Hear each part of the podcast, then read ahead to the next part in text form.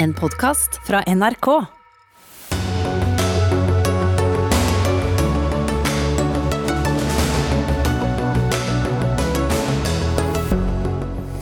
Dømmes av dine likemenn. Hvordan skal Norge sikre det når flesteparten av meddommere er over 50? Det må ikke bli et eldreråd, advarer forsvarsadvokat. For første gang i OL-historien har en transkvinne konkurrert i vektløfting for kvinner. Dette er urettferdig, sier stipendiat i treningsfysiologi. En ordning som har sikret kulturlivet ekstra penger, skal eh, tas bort dersom det blir rød-grønn regjering til høsten. Denne ordningen er gull verdt for oss, klager sykehusklovnene. Og en hviterussisk OL-deltaker fikk i ettermiddag opphold i Polen på humanitært grunnlag, etter at hun hadde blitt beordret hjem fra lekene fra sitt eget regime. Ja, Med det så sier vi god kveld og ønsker velkommen til mandagens Dagsnytt 18. Jeg heter Espen Aas, og senere i sendingen skal vi også diskutere om regjeringens pilotprosjekt for lærerspesialisering bør ha livets rett. Det mener nemlig ikke Arbeiderpartiet.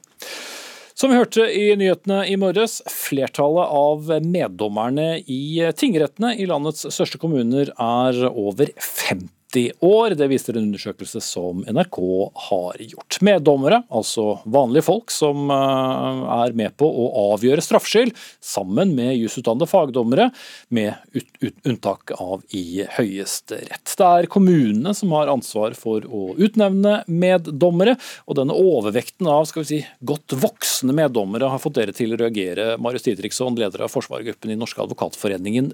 Hvordan er det problematisk? Ja, Vi mener jo at eh, de som der sitter i større grad enn i dag, bør reflektere folk flest. Nå kan folk spørre seg om meddommerordningen ikke den ble avskaffet sist i forbindelse med juryordningen for et par år siden, men det ble den altså ikke. Meddommerordningen er en sentral del av eh, vårt lovverk. Det har vært siden slutten av 1800-tallet. Mm. Og kort fortalt så sitter da disse meddommerne sammen med juristene og dommeren da, eh, eller hoveddommeren i, i rettssalen under prosederingen. Ja. ja. Men eh, i, på hvilken måte er det problematisk? Da? Altså, I hvilke saker eh, vil det f.eks. slå feil ut at, den, eh, at meddommerne er over 50? Nei, det, Dette må jo ses på et overordnet og et generelt nivå, mer fra sak til sak. Altså så kunne man jo undre seg eh, hvorfor er det et problem at er det ikke slik i de fleste yrker at man bør ha mest mulig utdannelse, i dette tilfellet juss, og mest mulig praktisk erfaring fra det faget gjelder, nemlig domstolen, og ikke som omvendt som nå, hvor vi ber om at vanlige folk skal inn. Ehm, og Vanligvis er det jo sånn, men det, dette henger sammen med at det å domfelle, det at samfunnet tar et oppgjør med den anklagede som hele samfunnet anklager, representert med myndighetsorganene, ja, det er en helt spesiell myndighetsutøvelse som krever legitimitet i befolkningen og i lovverket. Og Derfor har vi det hos oss, og for så vidt alle de andre rettsstatsland vi kan sammenligne oss med, de aller fleste i hvert fall, et tungt innslag av alminnelige folk mm. i rettspleien. Men, men, men, bare for å, å, prøve å forstå dette enda mer. Så hvis det da, la oss tenke som et eksempel, at det er en, eh, en, en kvinnelig eh, en kvinne i, la oss si i begynnelsen av, av 20-årene som står eh, tiltalt for noe, og, det, og meddommerne er to hvite menn i, i, i 50-årene, kan ikke de likevel gjøre en riktig vurdering gjennom en rettssak? Eh, jeg tror ikke vi skal se på dette fra sak til sak. Det blir et mer overordnet nivå, for det er i så fall tilfeldighetsregler som gjelder hvem som blir trukket fra denne listen. Men det er altså kommunene som har til ansvar å eh, sette sammen en liste. Eh, I Oslo er det vel på et par tusen mennesker. En fra hvert kjønn som de sender til domstolene. Og så er det opp til domstolene da, å, trekke tilfeldig fra denne listen. Og Da er jo tanken nettopp at det er her, vanlig, det her skal bli domfelt av dine likemenn. Det er her vanlige folk skal inn i rettspleien. og Da skal denne eh, tanken tas ut, ja, så må det også være reflektere befolkningen flest. Dette skal jo ikke være noe ja, eldreråd, dette skal være folk flest som skal mm. sitte der. Og, og, Når det gjelder tallene da, på, på meddommere som er uh, født i hvert fall på, på 1990-tallet, så er tallene lave i mange store byer. Uh, Bergen har en prosentandel på 6,9 som er født på, på, på 90-tallet. Trondheim, som vi straks skal til, 4,5. Stavanger 6,7. Oslo har noe større med, med 17% Men vi har også invitert KS, som er sammenslutningen av norske kommuner, eller kommunenes interesser interesseorganisasjon hit. De takket nei til å delta. Men Yngve Brox, du er med oss fra Trondheim, og du er seksjonssjef for kommunikasjon ved nettopp Domstoladministrasjonen. Og det er jo dere som har da kontakten med kommunene og hva skal vi si, minner dem om deres ansvar for å peke ut meddommere. Frykter du for rettssikkerheten? Nei, altså nå er det jo, For det første så er vi helt enige med Advokatforeninga her at eh, det er viktig at vi har en allsidig sammensetning av retten. Det er til og med et krav i, i domstolloven det at kommunene skal sikre det. Eh, men nå må vi også huske på det at uh, internasjonale undersøkelser viser at Norge er nest best i verden på rettssikkerhet. så Det er jo ikke sånn at det er krise i, i det norske rettssystemet. Men, men, vi er opptatt av både alderssammensetning og sørge for at det blir en, at det blir en bredere alderssammensetning i, i, i meddommerutvalget. Men vi ser også at det er for få innvandrere i, det samme utvalget. Vi ser også at det er eh, relativt sett for mange som har høyere utdanning. Vi ønsker at det skal være et så bredt utvalg utvalg som mulig. og Vi opplever også at kommunene har gjort en bedre jobb de senere årene med å sikre det. Men siden dere da ønsker dere det, hva gjør dere aktivt for å, å sikre det, selv om som du påpeker, det er eh, kommunene som har ansvaret for utplukking? Etter valget i 2019 så sendte vi et brev til alle landets kommuner hvor vi understreka nettopp behovet for å sikre bredere sammensetning av meddommerutvalget. Nå er det en veldig vanskelig jobb kommunene skal gjøre. Det er altså 40 000 meddommere totalt i, i Norge. De skal være mellom 21 og 70 år gammel, gamle, de skal være, eh, være valgbare og de skal ha lyst til å stille opp. De skal akseptere det her eh, vervet, som er et verv som tross alt også kan være, være krevende. Erik Jensen-saken f.eks. krevde et halvt års tid for, for, dem som var med og dømte der. sånn at Da er det kanskje ikke så rart at det også er lettere å få eldre eh, kandidater til å si ja til å stille opp. Men vi ønsker at, at det skal være en, en, mer allsidig sammensetning. Men vil, de gjøre noe, vil dere gjøre noe annerledes Brox, for å dytte mer på, på kommunene her, som vi skal til om ikke så lenge? Så er det jo noen kommuner som får det til? Ja, altså vi, eh, vi, er veldig tydelige overfor kommunene eh, på det. og Vi opplever også at eh, kommunene rekrutterer på en annen måte nå enn før. I gamle dager så var det jo sånn at det nærmest bare var partiene som ble bedt om å stille opp med kandidater. Men nå går jo mange kommuner mye bredere ut, oppfordrer gjennom media osv. Det, det mener vi er noe de bør forsterke i tida framover. Mm. Men Dittriksson, hva, hva, kunne man gjort for å få en bredere rekruttering? Trylle kan man jo ikke. og du må jo være villig til å da være borte, borte, fra jobben. Det er ikke noe du blir eh, rik av. Det er eh, en, en omfattende affære å være meddommer. Det er lovverk og sentrale myndigheter må vi se på utvelgelseskriteriene som er. Det er jo ganske enkelt at du skal ikke være straffet, du skal kunne norsk, du skal forstå det som sies i rettssalen, og så skal du være egnet. og Bortsett fra det så må man da finne de personene som reflekteres i, i samfunnet. og Kanskje man må være tydeligere. For man skal ikke tilbake lenger til 81, så måtte lovgiver ta grep for å få inn kvinner. Kvinner må med. Så da lagde de en egen egen liste for menn og en egen liste for kvinner, og så sa de dere må ta halvparten fra hver. Mm. Så de må rett og slett bare la, la, lage rene lister eh, for de som ja, f.eks. er født på, på, på 1990-tallet senere? Det er ikke gitt at det må være så firkantet, men noen føringer må kanskje på plass for å få et, mer representativitet inne i domstolene. Mm. Er det gjennomførbart, Brox? Ja, Nå ligger det jo allerede et krav i domstolloven, eh, og vi er som sagt eh, tydelige overfor kommunene på det kravet. Eh, og så tenker jeg det at kanskje vi kan sørge for å være enda tidligere ut med, i forkant av, av, neste valg. For vår del så er det veldig viktig at vi er sikre på at vi kan si at de som er med, sikrer at man blir dømt av likemenn. Det er det som er, det er, det som er intensjonen i lovverket. Mm. Men i Drammen har det skjedd ting. Der er i hvert fall en firedel av meddommerne født på, på 1990-tallet. Og en eh, fersk sådan er deg, Alisha Javid, eh, med oss direkte fra Drammen. Hvorfor ville du det? Du, du valgte deg jo sågar frivillig til å være meddommer i Buskerud tingrett. Stemmer. Eh, altså For min del så er jo meddommerrollen svært meningsfull. Og Selve prinsippet bak ordningen er jo at tiltalte skal dømmes av sine likemenn. og Det var jo altså en stor drivkraft da, for å stille til tjeneste. Og så Her til lands så har vi jo et ekstremt proft eh, frivillighetsapparat. Og um, Det er ikke mange land som kan sammenligne seg med oss eh, når det kommer til akkurat det. Og det å stille til tjeneste går jo innunder der. Så jeg tror jo at kommunen har um, klart å gjøre en god jobb, da. Mm. Men, men hva, hva, tenker du er grunnen til at uh, folk i, i, din egen alder uh, er vanskelig å få, få rekruttert? Nei, Det handler jo litt om hva man får ut av det. Det skal jo være meningsfullt å stille opp til tjeneste, og man skal jo ville det. Så for min del så var jo drivkraften at, at, det er jo frivillig mye av det, og du må jo ville det. Og, og det er jo fin erfaring å ta med seg videre. Men, men hvis vi tenker på deg ja. spesifikt, da. Altså, hva slags saker tenker du at det kan være en fordel at det nettopp er deg og ja, f.eks. ikke meg, som, som sitter i, i rettssalen? Mm.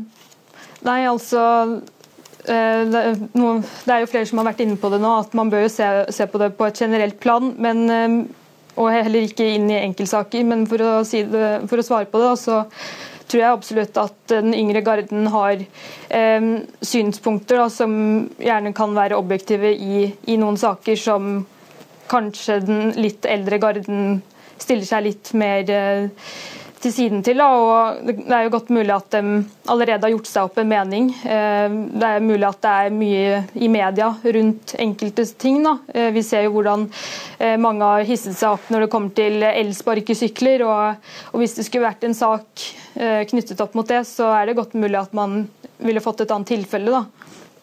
Med, med, en, med en ung meddommer. Fordi ja, med, med, en eldre en, altså. For, for, det er jo godt mulig at den har gjort seg opp en mening fra mm. før av. Ja, nettopp. Eh, Brox, eh, her i, i, Trondheim her eh, fra Drammen har vi jo en som, som, meldte seg frivillig som meddommer. Det er vel for så vidt ikke det vanligste. Hvem, utover at du må ha rent rulleblad osv., som Ditriksson var innom her, kan, kan bli meddommer? Er, kan, kan, man oppfordre unge til å uh, melde seg, slik som uh, Javid gjorde? Ja, absolutt. Eh, det bør kommunene absolutt gjøre. Eh, og som jeg sa i sted, så er det mange kommuner som nå går mye bredere ut enn tidligere og annonserer i aviser osv. ber folk om å, melde seg til tjeneste. Det er jo sånn at Nesten alle mellom 21 og 70 år kan stille seg til tjeneste og være, være, være meddommer i, i, norske domstoler. Det er noen få mennesker som, som ikke, kan, ikke, kan, brukes. Eh, det, så jeg tenker at Det er veldig viktig at flest mulig melder seg, og at kommunene er veldig tydelige på at her er det åpent, og man ønsker og man oppfordrer til det. Og Da dreier det seg altså om, om mer enn bare bare alder som er utgangspunktet for denne diskusjonen. Det gjelder, f.eks. også folk med innvandrerbakgrunn, det gjelder folk som ikke har høyere utdanning. Tidligere så var det et problem med skjevhet mellom offentlig og privat sektor, men det ser ut til at det har blitt langt bedre nå. Det er veldig viktig, for det skal, altså, meddommerutvalget skal speile hele samfunnet. Mm. Men det utføres arbeid i, rettssaler uh, hele tiden. Didriksson. Frykter du at det vil ta lang tid før vi uh, får en bedre balanse, og at det faktisk er likemenn som dømme likemenn? Jeg tror det er viktig at vi har fokus eh, på dette hele tiden, fordi vi kan bli bedre. Det er nok sikkert eh, alle enig i, men inntil det er da rettssikkerheten så god som den burde være? Ja, jeg mener ikke å rope noe varsko på rettssikkerheten her, at nå står den for fall. Men, men på dette området bør vi kunne bli bedre. Mm. Så får vi se hvilke dommere som dømmer fremover. Takk skal du ha, Marius Didriksson, leder av forsvarsgruppen i Den norske advokatforeningen, Yngve Broch, seksjonssjef for kommunikasjon i Domstoladministrasjonen, og med oss fra Drammen, Alisha Javid, som er fersk meddommer.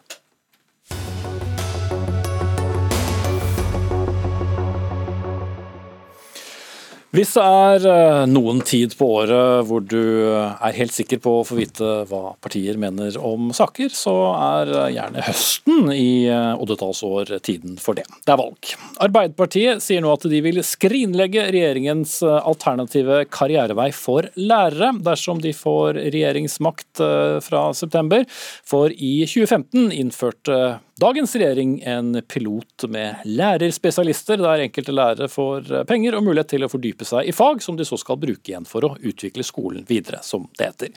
Tanken med prosjektet var å gi flere lærere flere karriereveier i klasserommet, i stedet for at de f.eks. søker seg til administrative stillinger i skolevesenet. Men uh, dette er en ordning som ikke er liv laga dersom dere sitter, eh, flytter inn i regjeringskontorene, Torstein Tvedt Solberg fra Arbeiderpartiet. Hvorfor det? Det stemmer. Nei, Dette er jo en eh, Høyre-ordning som Høyre har innført. Vi sier heller kvalifiserte lærere før flere lærerspesialister. En har jo sett av denne ordningen som som Høyre har kokt sammen, både er dyr, den er dårlig og den treffer få. Og jeg syns den liksom underbygger egentlig litt sånn Høyre sitt gammeldagse kunnskapssyn. Men er problemet at Høyre har innført den, eller er det, altså, er det, er det faktiske ting med, med ordningen? Nei, som jeg sa, den er både dyr og dårlig, og tallenes tale er jo egentlig ganske klar. Lærerne rømmer jo ifra Høyre-skolen. Lærermangelen den øker, og det er rekordmange nå ukvalifiserte som underviser i norske, eh, norske, klasserom. Og Da mener jeg det er feil å bruke hundrevis av millioner på denne ordningen. Eh, penger vi heller, vi heller vil bruke på å ansette flere lærere og løse de store utfordringene i skolen. Mm. Ja, Fungerte det dårlig, Mathilde Tybring-Gjedde, stortingsrepresentant fra Høyre? Nei, det gjør ordningen ikke. Altså, de siste årene har vi fått 4500 eh, flere kvalifiserte lærere. Det er tolv år siden det var så mange kvalifiserte lærere i norske klasserom. Samtidig som vi har gitt dyktige lærere som har lyst til å fordype seg i fagene sine, en mulighet til å gjøre det. Mm. Men, men bare stoppe der, for begge snakker om ukvalifiserte lærere. Men har det noe med denne ordningen å gjøre? Nei, denne ordningen handler ikke, handler ikke om det. For dette er kvalifiserte lærere som Absolutt. blir, om du vil, enda mer kvalifiserte? Dette er jo lærere som kanskje har stått i yrket i 25 år, sånn som Berit Bakke Berger, som hadde gjort det i 25 år, og som da fikk muligheten til å kunne fordype seg, få litt mer ansvar, få økt lønn, og drive også kollegaveiledning og ha ansvar for faglige satsinger på skolen. Det var viktig for hennes opplevelse av å være lærer at hun fikk mm. denne muligheten. Jo, men hvis vi da, eh, og det er vel også enig med at vi godt kan ha flere kvalifiserte lærere inn i skolen, hvorfor skal vi da bruke ressurser ressurser mer ressurser på lærere som allerede er kvalifisert, fremfor å gjøre flere kvalifisert? Jeg mener man kan gjøre begge deler. I motsetning til Arbeiderpartiet, som skal bruke 4 milliarder kroner på skolemat, så har jo vi pengene til å faktisk prioritere kvalifiserte lærere, men også gi de lærerne som står i klasserommet, mulighet til å fordype seg. Og Jeg mener at det handler om å ha ambisjoner for læreryrket, og at det skal være prestisjeyrke å gå inn i. At du kan faktisk få mer utdanning etter hvert, mer ansvar, og også økt lønn ved å gjøre det. Mm. Du skal slippe å ha denne politikerklisjeen om to tanker i hodet samtidig, Tvedt Solberg. Men eh, kan man ikke både rekruttere flere kvalifiserte lærere, men også gjøre de kvalifiserte lærerne mm. bedre? Helt klart, men da må man jo prioritere ordninger og systemer som fungerer til nettopp det. Og det finnes ingen bevis for at Høyre sin lærerspesialistordning har bidratt til å øke rekrutteringen, få flere kvalifiserte inn i klasserommet, eller egentlig beholde flere lærere. Og Det som jeg synes er det verste med den ordningen, er at den er veldig snever. Vi har nesten 70 000 lærere i Norge. Høyre sitt store prosjekt det skal på sitt beste treffe 3000 lærere. Det er 4% altså det er helt minimalt. Og Det hjelper jo veldig lite hvis det for en elev som sliter med trenger litt mer tidlig innsats, at en lærerspesialist i naboklasserommet hvis en står i sitt eget klasserom og treffer en helt eh, ufaglært eh, lærer der. Så det jeg mener er feil med dette, er at Høyre prioriterer altfor store penger på en ordning som ikke fungerer i det hele tatt. og som treffer for. Altså, nå må Arbeiderpartiet bestemme seg. Enten så er ordningen for liten, eller så er den for stor. Eh, det jeg mener er at man både kan få 4500 flere kvalifiserte lærere, samtidig som at vi fortsatt har lærere som ikke bare eh, fordyper seg og kan være i klasserommet og undervise, men som også får en oppgave å drive kollegaveiledning, styrke fag, faggruppen på sin skole. Og det har vist seg å være, Jeg har lest evalueringen. Det evalueringen viser, er jo at eh, skolelederne opplever at det er en veldig god ordning. Vi ser at lærerne opplever, lærerspesialistene opplever at de blir mer motivert, at de får mulighet til å kunne fordype seg. Men vet vi noe om hva elevene får ut av det? Altså det man vet er jo at Den viktigste forutsetningen for elevenes læring er en god lærer. Eh, og så vet man at eh, ved at eh, lærere jobber i team, ikke bare enkeltvis i klasserommet, så kan man også utvikle undervisningen bedre. Og Lærerspesialistene forteller jo at de kanskje ble møtt med skepsis i starten av lærerkollegiet, men at de opplever økt støtte. Fordi mange lærere syns faktisk det er en veldig god idé at det er en lærer som står i klasserommet, som kan veilede dem og hjelpe dem, istedenfor at det er f.eks. noen fra skoleledelsen som gjør det mm. samme. Men, men dere vil da ta disse pengene bort. Eh, så man får ikke midler til å, fordype seg hvis man allerede er en kvalifisert lærer. Men hvordan skal dere da bruke de samme pengene på en annen måte? Nei, bare for å si det, altså, vi, jo, vi, bruker milliarder nå på etter- og videreutdanning for lærere. De får stor mulighet til å fordype seg også med Arbeiderpartiet, men denne Høyre-ordningen med lærerspesialister det er den vi vil ha vekk. og Da bruker vi de hundrevis av millionene. Når denne ordningen fungerer fullt, så skal det vel være nærmere en halv milliard en bruker på dette. Da sier vi heller at vi vil bruke de pengene på eh, å ansette flere lærere. Skolematforslaget vårt det tente vi fra, eh, fra helsebudsjettet. Men jeg, på, jeg, må bare få svare på det som ble sagt her om evalueringen. For det Høyre sier her er helt feil. For 1000 kroner spørsmålet, når du har en snever ordning for 3000 lærere, 4% er jo nettopp hva kollegaene mener om dette. Og kollegaene gir egentlig ordningen stryk. Nei, det ja, som du, det er helt riktig som du sier, rektorene er fornøyde. De få lærerspesialistene som får ekstra lønn, for det er egentlig det den ordningen handler om, de er fornøyde. Men, er ikke riktig. Men kollegene de sier at denne ordningen er for Altså kolleger som ikke har tatt den samme spesialiseringen. Men hvordan kan du lese så mye annerledes ut av dette? da, Tybringen? Altså det som er tilbakemelding fra skolene som har hatt lærerspesialistordningen over tid, er jo at det startet med en viss skepsis, det har jeg forståelse for. Men at etter hvert så ser man mange steder at det fungerer veldig godt. Det er jo også derfor eh, deler av lærerorganisasjonene er litt, eh, er litt uenige med hverandre. fordi de opplever jo nettopp at lærere som har vært i nærheten av ordningen og jobbet med dyktige kollegaer som har gitt en veiledning og tilbakemelding, så har det vært et god løft for den skolen. Eh, Og så er jeg enig med, med Tvedt Solberg i at den ordningen i dag er det er 1800 lærere som har funksjonen. Det er 600 lærere som er i utdanning. De må jo avbryte sin utdanning hvis Arbeiderpartiet får sitt gjennomslag. Men dette er jo igjen eh, for få. Så vårt mål er jo at alle skoler skal f.eks. ha tilgang til en begynnerspesialist. For vi mener at det er å gi et viktig kompetanseløft for å møte de yngste barna i skolen. Men hva, ja, hva skjer med de som er under spesialisering nå? Skal de få fullføre dersom dere avvikler ordningen? Ja, altså det er, denne ordningen er jo todelt. Du har en funksjonsordning som handler om et lønnstilskudd lønnstilskudd eller litt ekstra tid som lærere i skolen får. Det vil vi avslutte, men selvfølgelig så må jo de som går på utdanning få fortsette det. Og sånn som jeg sa, Vi vil jo prioritere milliarder med til etter- og videreutdanning til, eh, til, til lærere. Men dere fjernet jo dette først i alternative budsjettet deres eh, i fjor. Syns dere det var en god ordning frem til da, eller hadde dere ikke oppdaget det nå? Nei, Vi har jo sett at dette, vi har vært skeptiske til denne ordningen fra starten av. Den har utviklet seg i veldig feil retning. og Det er mye å, å, å, å si som er, er dårlig med denne. og Kanskje det viktigste er jo at den er, ikke er forankra blant partene. Hovedfunksjonen i ordningen er å gi noen få lærere altså en Ja, partene, hvem da? Lærerorganisasjonen? Eller hva? Lærerorganisasjonen. Altså dette er, du gir enkeltlærere eh, lønnstillegg helt uten, utenom på en måte forhandlingene om, eh, om lønn. Og når du gir det til så få lærere, så mener jeg det er en helt feil måte da, å skulle på en måte løfte, eh, løfte profesjonen. Og så mener jeg mest av alt da, at dette, for dette skal jo egentlig handle om skoleutvikling. Hva gjør vi for skolen for at den skal bli bedre, og at det skal være mer kvalifiserte fagfolk? Høyre de vil ha en skoleutvikling ovenfra, styrt av rektoren og noen få lærere. Vi vil heller ha det innenfra, der det handler om okay. gode, Men, eh, eh, gode fagfellesskap. Ja, Det her er jo det omvendte av det ordningen gjør. Ordningen gjør nettopp at lærere som fortsatt underviser i klasserommet, også kan drive kollegaveiledning og jobbe med faglige satsinger. Ja, men det kan du jo ikke få til når det bare er 3000 Ja, men alterna- lærere i. Tybring-Gjedde først. Alternativet er jo at disse lærerne går ut av klasserommet, går inn i administrasjonen eller skoleledelsen, og så jobber de med kompetanseutvikling fra skoleledelsesnivå, og ikke fra å være i klasserommet. Det som er eh, tilbakemelding fra mange lærere, er jo nettopp at det er en positiv del av ordningen. Det at det er kollegaer som får fordype seg, som kan hjelpe dem også når de trenger faglig støtte, og de opplever at det er en kollega som skjønner hvordan det er å være i klasserommet, hvordan det er å være lærer.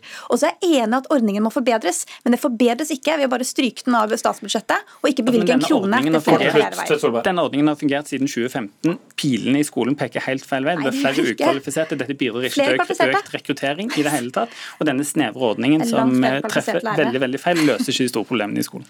Da setter jeg eh, strekk og sender dere ut på gangen. Torstein Tvedt Solberg, stortingsrepresentant fra Arbeiderpartiet. Mathilde Tybring-Gjedde fra Høyre.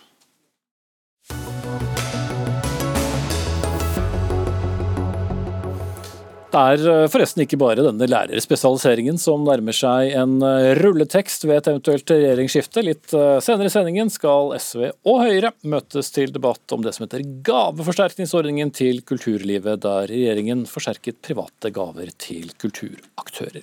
Men nå skal vi til de olympiske leker. Der ble det skrevet et stykke OL-historie i dag, for newzealandske Laurel Hubbard ble den første transkvinnen som konkurrerte i vektløfting under eh, vektløfting for kvinner, som er hele poenget, under lekene. Det ble for så vidt ikke skrevet inn noen medaljer i denne historieskrivingen, for eh, resultatet hennes ble ikke tellende. Det var Kina som stakk av med seieren, men det er ikke det viktige. For denne debatten om hvorvidt eh, transkvinner skal kunne delta, har rast, og raser også fortsatt fordi flere mener det er urettferdig at de får konkurrere i kvinneliga. Og Tiril eh, Tøyen, du er stipendiat i treningsfysiologi ved, ved Høgskolen i Molde. og for så vidt også tidligere aktiv utøver i vektløfting, som ikke er det viktige her. Men du er en av dem som har vært kritisk til at transkvinner skal kunne delta som kvinner. Hvorfor er det urettferdig?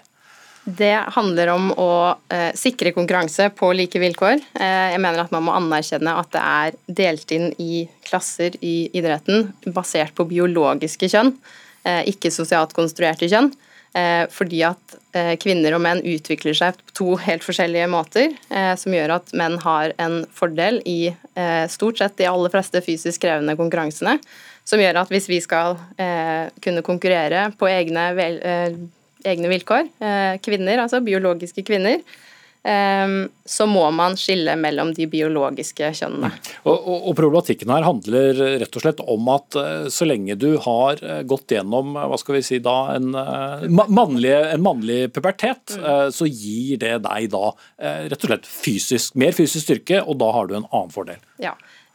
Fysisk styrke, størrelse, beinstyrke, Eh, større muskler, det gjør eh, og en del Altså bare det at man er eh, høyere og, og større av vekst, gjør at man har større organer, som, som jo er en fordel i Eh, altså større lunger og større hjerter i, i utholdenhetsidretter. Og større muskler i, i, selvfølgelig i konkurranse eller i eh, Så, så transkvinner burde dermed ikke bli gitt adgang til olympiske leker? Sånn som det er nå, eh, med de bestemmelsene som er nå, der man ikke kan ta bort de fysiske forskjellene, så mener jeg at det ikke bør delta i, eh, i kvinneidrett.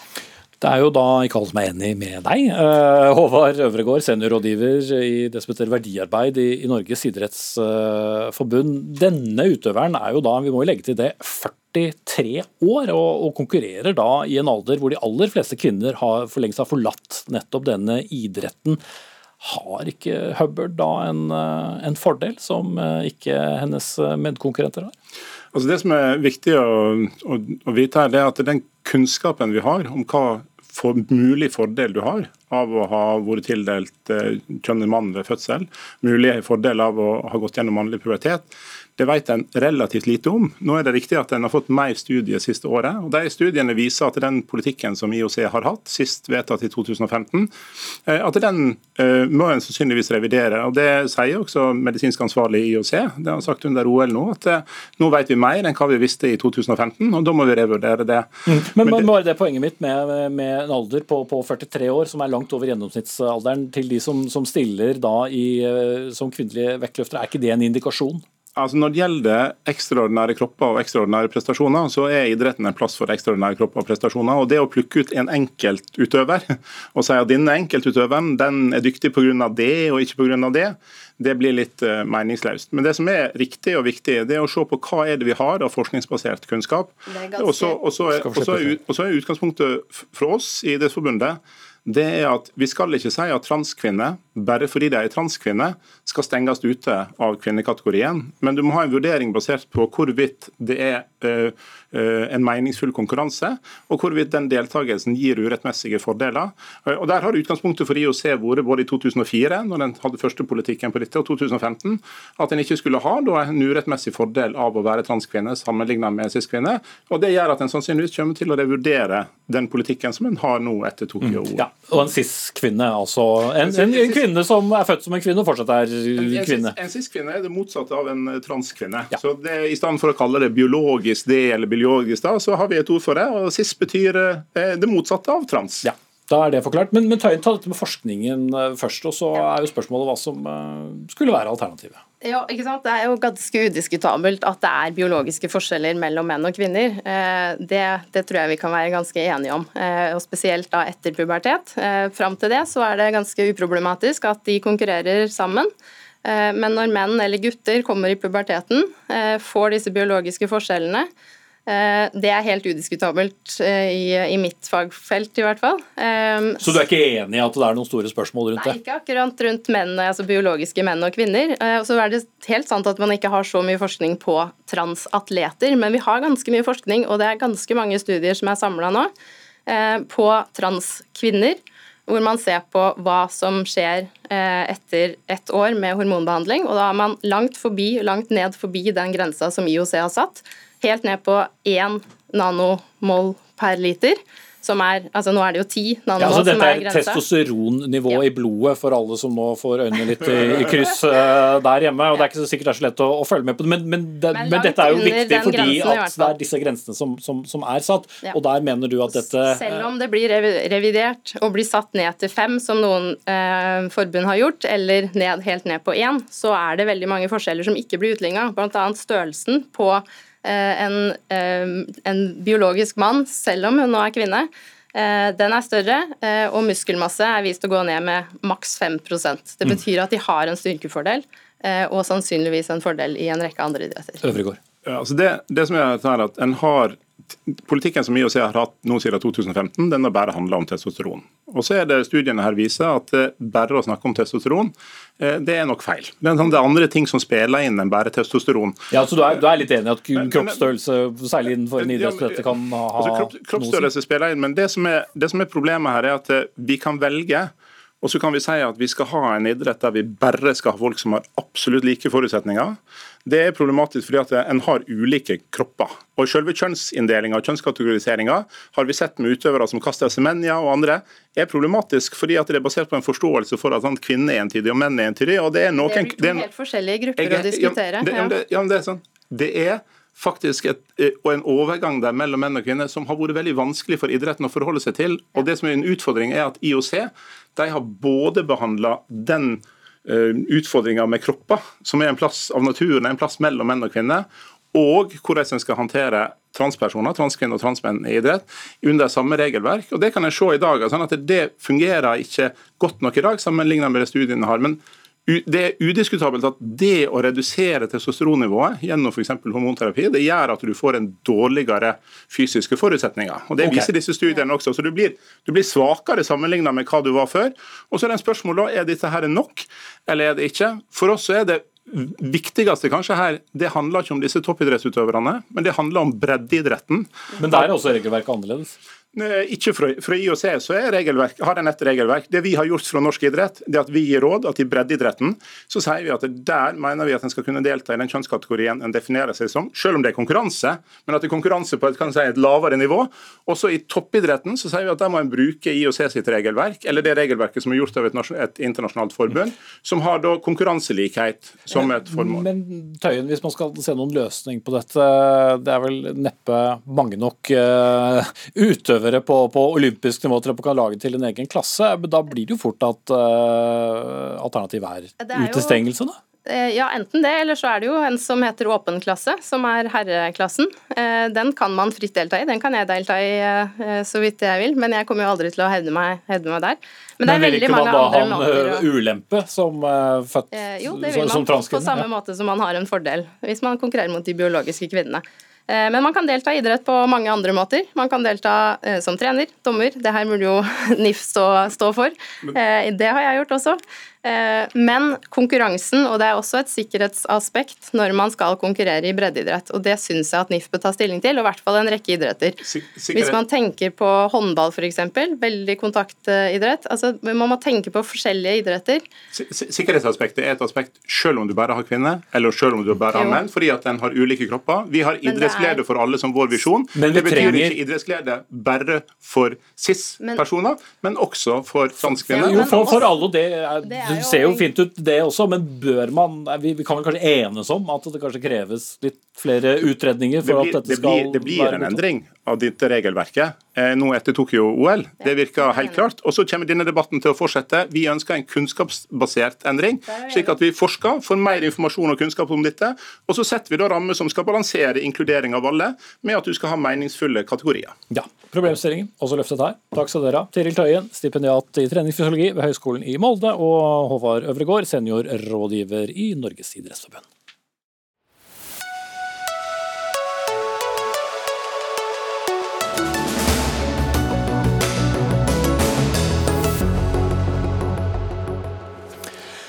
I mange land i Sør-Europa er det svært varmt om dagen. Temperaturer på over 40 grader i skyggen. Kombiner det da med en rekke skogbranner og røyk, i tillegg til den kraftige varmebølgen.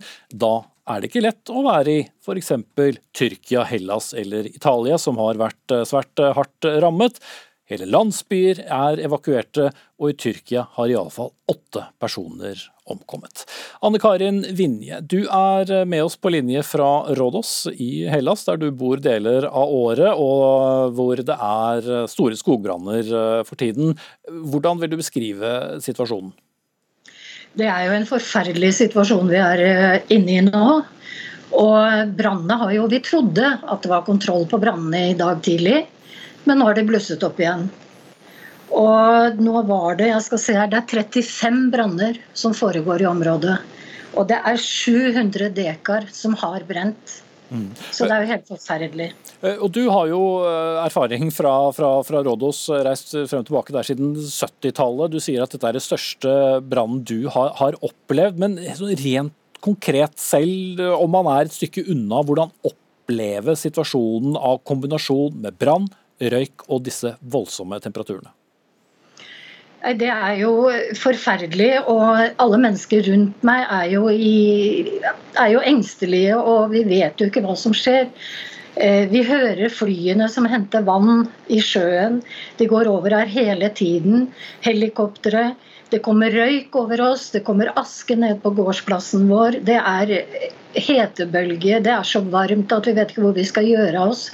For røyken legger jo et lokk over oss, så heten blir jo stående nede på bakken. Mm. Og eh, folk reagerer med ja, Det er nesten ikke til å beskrive. TV-seerne kan nå se bilder fra, fra nettopp Hellas. Men, men Vinje, myndighetene og, og brannmannskaper gjør sitt. Hva, hva gjør lokalsamfunnene? Det er veldig mange frivillige som, har, eh, som er med å slukke brannene. Det er frivillige som har tilbudt eh, de som evakueres å komme hjem til dem. Spise, sove, få klær. Altså de, grekerne er født skal vi se, gjestfrie og, og, vennlige. Og de stiller opp på alle mulige måter. Mm.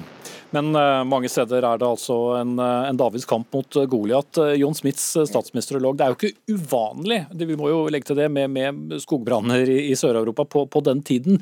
Men det virker som det er ganske så omfattende akkurat nå. Hvorfor det? Det er ganske aktivt, og det skyldes at det har vært tørt en god stund, og så har det blitt veldig varmt. og Det har jo holdt på noen dager, denne varmen her. Det er ikke den første varme dagen, det her, men det har liksom bygd seg opp. sånn at det har, det har tørket ut veldig mye.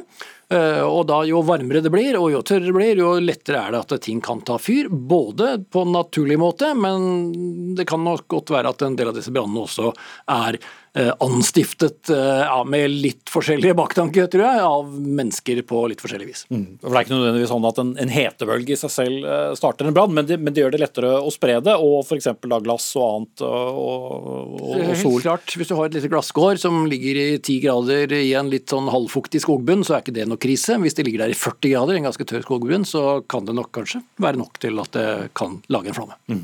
Eh, og så er det jo omfattende skader som vi ser av bilder bildene og, og, og, mange historier vi hører om hvordan denne røyken sprer seg over store eh, områder.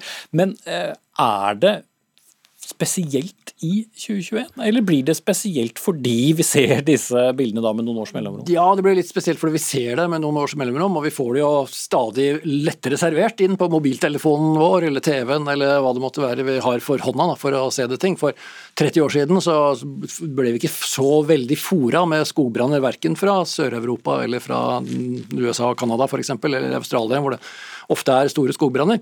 Men det virker nok som om det kanskje er en økende trend da, i disse skogbrannene. Hvis man ser på tall tilbake til 1960 f.eks., så virker det som det er en økning i antall branner og antall brente områder. Ikke bare i, den delen av, eh, av middelhavsområdet, men også andre steder i verden, sånn i de tradisjonelle brannområdene. Og det, det kan kanskje skyldes at hetebølgene har blitt Eh, varmere, eh, rett og slett. Eh, kanskje også at de har blitt litt lengre og litt flere i løpet av de siste 50-60 år enn det de var tidligere. Og da, da ser man at skogbrannene øker i antall. Men så er det også andre ting som spiller inn. Det er økt grunnvannsuttak f.eks., som gjør at marka blir tørrere, vegetasjonen blir tørrere. Blant annet Spania har slitt veldig, men de har tatt veldig mange, mange meter av grunnvannsressursene sine ned. Så da blir det veldig tørt. Og også bruken av, skal vi si, eller forbruket av naturressurser som skog og andre områder, endret bruk f.eks., kan også være årsak til at det brenner lettere nå enn før.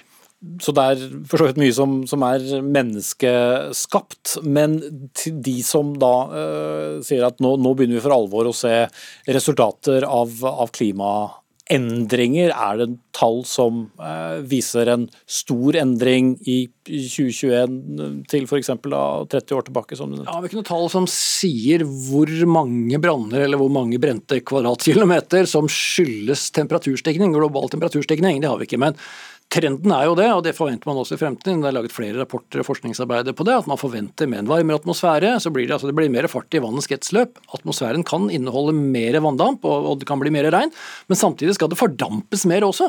Og de fordampningen den skjer kanskje gjerne i de tørre områdene som allerede er tørre fra før. Og da blir de enda tørrere, og da er det enda større sjanse for brann. Så trenden, tendensen som man regner med at det kommer til å være fremtiden, det er at det antageligvis blir hyppigere branner og flere branner, hvis ikke man da finner ut at man kan endre forvaltningen av naturområdene på en måte som gjør at det brenner mindre, eller få temperaturøkning under kontroll. Mm. Og som vi da hørte Vinje fortelle fra, fra, Rådås, så blir det også da stadig vanskeligere å være menneske eller dyr med den varmen og, så mye røyk, og når det da legger seg som, som et teppe. Det er veldig ubehagelig det her. Vi i Norge vi sliter jo når det blir 35 grader. Der er det over 40. Det er varslet ja, 45 46 grader i deler av Hellas, deler av Tyrkia.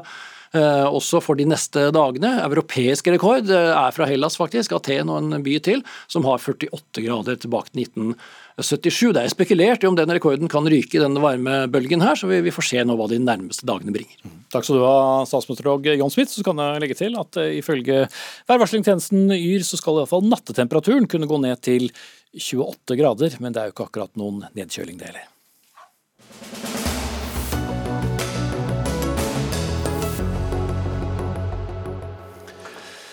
Donerer du i dag en gave på over 100 000 kroner til en kulturorganisasjon f.eks., og faktisk helt opp mot en million, ja, så topper regjeringen, eller staten snarere, dette beløpet med enda 25% Ordningen heter Gaveforsterkningsordningen og ble opprettet av dagens regjering tilbake i 2014. Skifter regjeringen farge til høsten, så skal denne ordningen bort, lover flere partier på venstresiden. Men eh, før vi slipper til politikerne, Nina Elisabeth Eidem, du er daglig leder i det som heter Sykehusklovnene. Og til Nettavisen så sier du at dette har vært en ordning som har vært gull verdt for dere.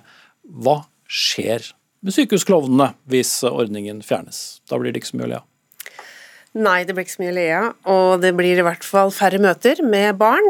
Eh, og det blir færre anledninger til å gi de vitale krefter eh, og å fremme det som er det friske og det normale som barn har godt av når de er på sykehus. Men sykehusklovnene har jo eksistert mye lenger enn denne gaveforsterkningsordningen, så hvordan klarte dere dere før 2014? Eh, det er helt riktig. Sykehusklovnene har vokst. Eh, så nå når vi en tredjedel av de barna som er i behandling på sykehus. Eh, men det er to tredjedeler som ikke får besøk av oss. Og Gaveforsterkningsordningen har gjort at vi har kunnet være på litt flere sykehus, og komme litt oftere på de sykehusene vi er på. Mm. Men det kan jo være andre ordninger dere kan søke? Det kan det. Vi søker mange ordninger. Eh, vi lever primært av innsamlede midler. Og aller helst så skulle vi hatt eh, ønsket oss en fast statsstøtte, for det hadde vært forutsigbar for små organisasjoner som oss, som starter året i null og har en høy risiko på hvordan det går. Mm. Ja, for Et poeng er jo at eh, selv om noen velger å gi dere penger i 2021, så er det ikke gitt at de samme gir det i 2022, og ei heller da at man får dette eh, påslaget med, med denne ordningen. Men Freddy André Østegård, stortingsrepresentant fra SV, også medlem av familie- og kulturkomiteen på, på, på Stortinget denne perioden. Dere sier til Klassekampen at dere skal skrote ordningen hvis dere kommer i regjering. Hva, hva er galt med den? Det som er galt med gaveforsterkningsordningen, er jo at midlene fordeles etter hva som til enhver tid er eh, privat giverglede eh, i kulturlivet, eh, det som er private donors smak, mens det som faller utafor og da ikke mottar begeistring fra det private næringslivet eller andre private givere, ikke får penger. Men dere vil ha private penger til kulturlivet? Ja, eller? absolutt, men det, som, det hadde vært fint hvis gaveforsterkningsordningen faktisk førte til mer private midler. Hvis den hadde hadde den effekten, i hvert fall. Men det kan jo ikke regjeringen dokumentere at den har ført til en eneste krone mer i privat støtte. Det er at man gir offentlige kroner til de som allerede mottar privat støtte. Mm. Og så vil jeg jo bare si kjapt altså til, til, til sykehusklovene, som er et, et, av mange fantastiske formål som i dag får midler over gaveforsterkningsordningen. Masse bra. Til sykehusklovene ønsker vi jo nettopp å gi en fast plass på statsbudsjettet i stedet. Det handler om hvordan man bruker pengene. På kulturbudsjettet så er det lite penger, vi må bruke pengene på en fornuftig måte. Skal det styres etter eh, behov, faglighet over statsbudsjettet eller Kulturrådet, eh, eller skal det gis ut ifra hva som allerede mottar privat eh, støtte i dag? Men da vil dere bruke flere skattebetalerpenger eh, enn at eh, private donorer skal gi av sine penger. Det er egentlig ikke noe forskjell, fordi det er, altså det er skattepenger uansett. Det er offentlige kroner eh, som gaveforsterkningsmidlene er. Mm. Men du må hente noen penger fra et annet budsjett enn de pengene som en privat giver ville gitt. Det var det som var poenget. Ja, og, og det er egentlig en, en viktig del av begrunnelsen til hvorfor vi mener denne ordninga er dårlig. Det er akkurat hvor pengene kommer ifra. For gaveforsterkningsordninga den finansieres over tippemidlene, altså overskuddet fra Norsk Tipping, den delen som skal gå til kultur. Uh, det er penger som går til uh, kulturfrivillighet, til korps, til kor, til barne- og ungdomsfrivillighet, til de små og store samfunnshusa rundt omkring, som må forbedre akustikken sin f.eks. Og når man har plassert gaveforsterkningsordningen inn i tippemidlene, ja, så blir det mindre penger til alle de som går på korps, alle de som er i, i kor, og også trenger midler. Så okay. Derfor vil vi superkjapt heller finansiere sånn som f.eks. sykehusklovnene over statsbudsjettet, i stedet for at pengene skal tas fra alle de andre gode formålene. Kristin Ørmen Johnsen, stortingsrepresentant fra Høyre og leder av komiteen som Østgaard eh, er, er, eh, medlem eh, av. Er det riktig å belønne de som allerede har klart å få seg rike onkler og tanter med enda mer offentlige penger? Nå er det ikke så mange som har uh, rike tanter og onkler, og det viser jo det at uh, da vi startet ordningen i 2014, så var det liksom sånn 40-50 som søkte og var oppmerksom på det. Nå er vel uh, ca. 350 søkere. Det er museer, det er lag og foreninger som driver med kultur, Norges Mållag, historielag, som da har fått et lite dytt til å søke enten eh, stiftelser, eh, legater eller noen private personer. Vi har ikke så veldig mange rike onkler i Norge, men vi har en del eh, legater. De har søkt de, og så har vi sagt at når dere har gjort det, så er belønningen at staten topper opp med 25 mm. Men det må jo være minimum 100 000, så det må jo være ganske velholdte stiftelser de må søke i utgangspunktet? Da. Ja, men vi har ganske mange stiftelser som har en del penger, og vi har også noen store legater. Vi har Kavli-fond, altså vi har noe heldigvis som det går an å, å, søke på.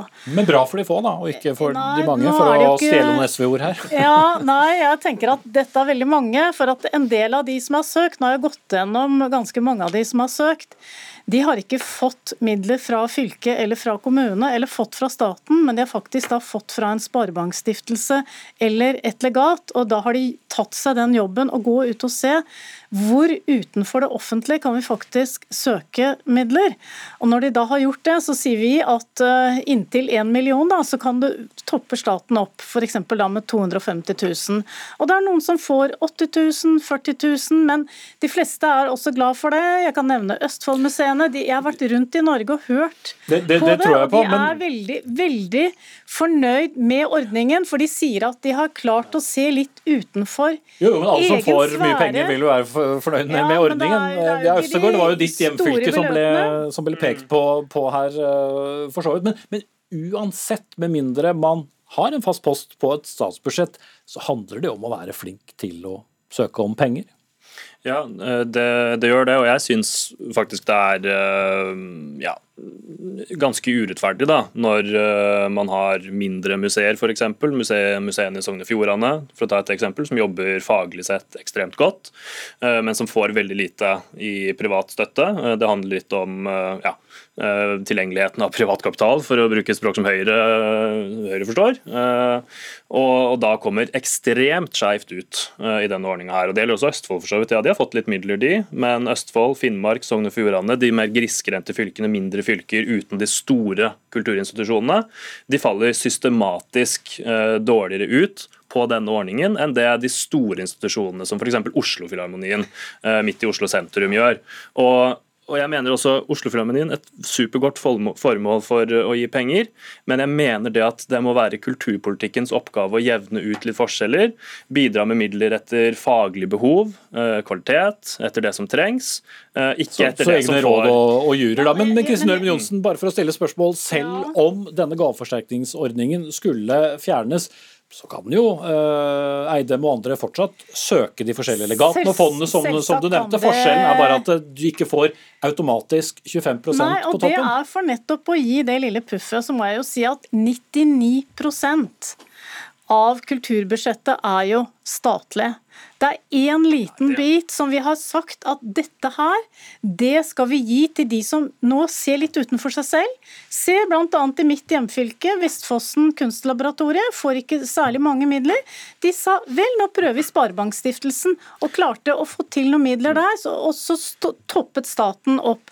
Og jeg tror vel at eh, man fremover Vi ønsker jo Høyre ønsker å mobilisere alle krefter i samfunnet. Staten er viktig, staten er bunnplanken, det skal den være.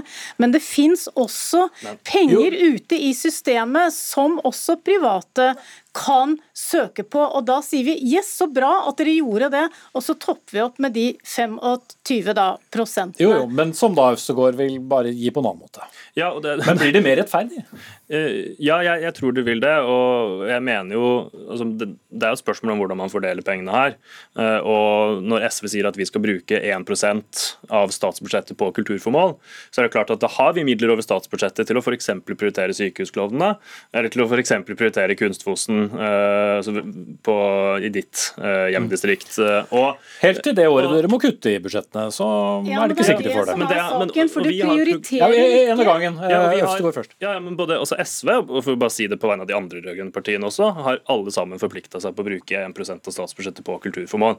Det gir uh, flere, altså flere hundre millioner mer til kulturbudsjettet. Og bare for å nevne en annen ting også, altså Når vi tar det grepet vi gjør, og tar vekk denne ordningen her, så sitter vi igjen med 200 millioner kroner mer på tippemidlene til korps, ja, til kor Du skal slippe å ta den lista en gang til, men, men, men Ørmen Johnsen, dere la jo For de som da egentlig faktisk eh, gjør den jobben å få midler. og dere kan love gull og grønne skoger og si over bordet dere skal få penger og dere skal få penger. Det er 350 som er nå faktisk søkt og fått noen private penger, som ikke har gjort det før. Hvordan vil dere prioritere det? Jeg er sikker på det er veldig mange på den listen. Du kan ikke sitte her og bordet og si at dere skal få, dere skal få, dere skal få. Dere må rett og slett også prioritere pengene. Det er, er, politikk. Men bare for å spørre deg, Før sommeren så hadde jeg en debatt her hvor den samme ordningen overfor forskning ble lagt ned, for den fungerte ikke. Eh, da er det jo for så vidt større summer som var involvert. Eh, men dette fungerer altså? Ja, det var jo en evaluering da, fra Dette er jo ikke mitt departement, men det er jo Kunnskapsdepartementet. Eh, og så vet jeg det at eh, det er noen som har eh, vært kritiske det. Jeg vet at noen forskningsmiljøer mente at den fungerte veldig bra. Men totalt sett så mente man at Forskningsrådet, da, som er den organisasjonen som gir penger, at det dekket opp det. Det er det jeg kan si om det. men her, som du sa, dere har søkt Kulturrådet. Dere, søkt, dere, faller mellom flere stoler. Dette skal være et sånt lite dytt til de, et historielag. Noen som ikke da får penger av Selv med deres 1 eh, budsjett, eh, så er det ikke sikkert at de får de pengene. Her er, er det noen som er sikkert, så er det noen alltid er, er misfornøyd når det gjelder eh, tildeling av penger. Men jeg vil ha inn Eidem og sykehusklovner i kamp, hadde jeg snart sagt, til slutt her. Hva blir du mest betrygget av? Nei, altså Det viktige for oss som er små, jeg tror jeg representerer den type organisasjoner, er at det finnes ordninger og at ikke de endrer seg. Vi trenger forutsigbarhet. Vi små er veldig sårbare i forhold til det. Mm. Uh, og dette har vært et spleiselag, sånn som vi har oppfattet ordningen, som faktisk uh, har uh, vært møtt positivt av de vi har fått penger av. Mm. Så vi se uh, hvem det er som eh, styrer Kulturdepartementet. Takk til Kristin Ørmen Johnsen, leder for familie- og kulturkomiteen fra Høyre. Freddy André Østegård, medlem av samme komité fra SV. Og også Nina Elisabeth Eidem, daglig leder i Sykehusklovnene.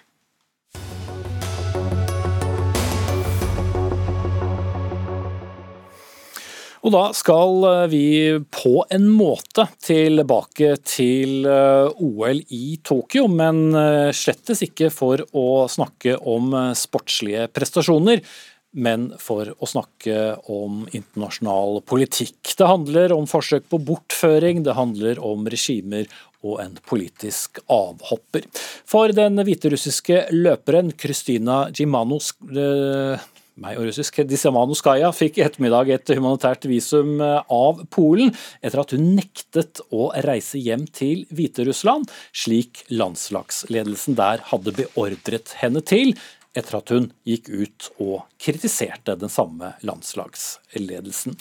Det var eh, knyttet spenning til om hun ville få noe opphold på eh, humanitært grunnlag, men det fikk hun altså i Polen. Og Inna eh, Sanga Jiba, seniorrådgiver i Helsingforskomiteen, hva slags sak er det dette egentlig er?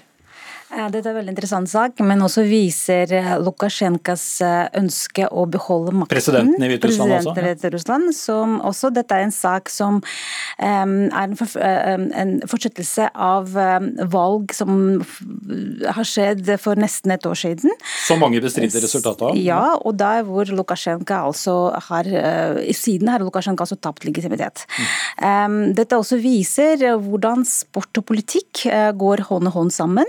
Eh, hvordan da eh, Belarus er et land eh, hvor sport brukes for politiske mål. Mm, Belarus er samme som Hviterussland, altså? Ja. ja. Også på den andre siden så viser det også hvor fjern samfunnet allerede har beveget seg fra, og, og hvor da også selv toppidrettsutøvere våger å si imot. Mm.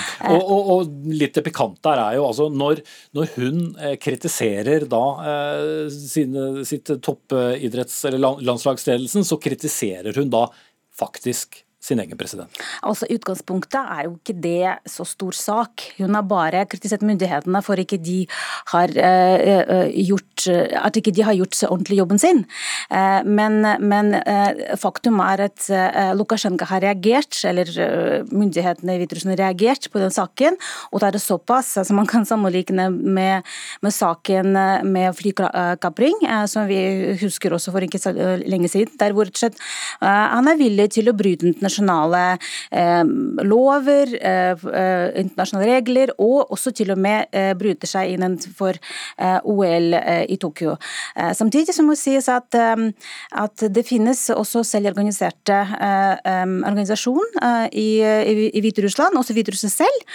800 av toppidrettsutøvere har signert brev i, i, oktober 2020, hvor de også gikk i protest mot bruk av vold under demonstrasjoner. Og Det er det som Lukasjenko reagerer sterkt på, og det er de, eh, og de um, målrettede sanksjoner og represalier som går imot disse da også. Mm.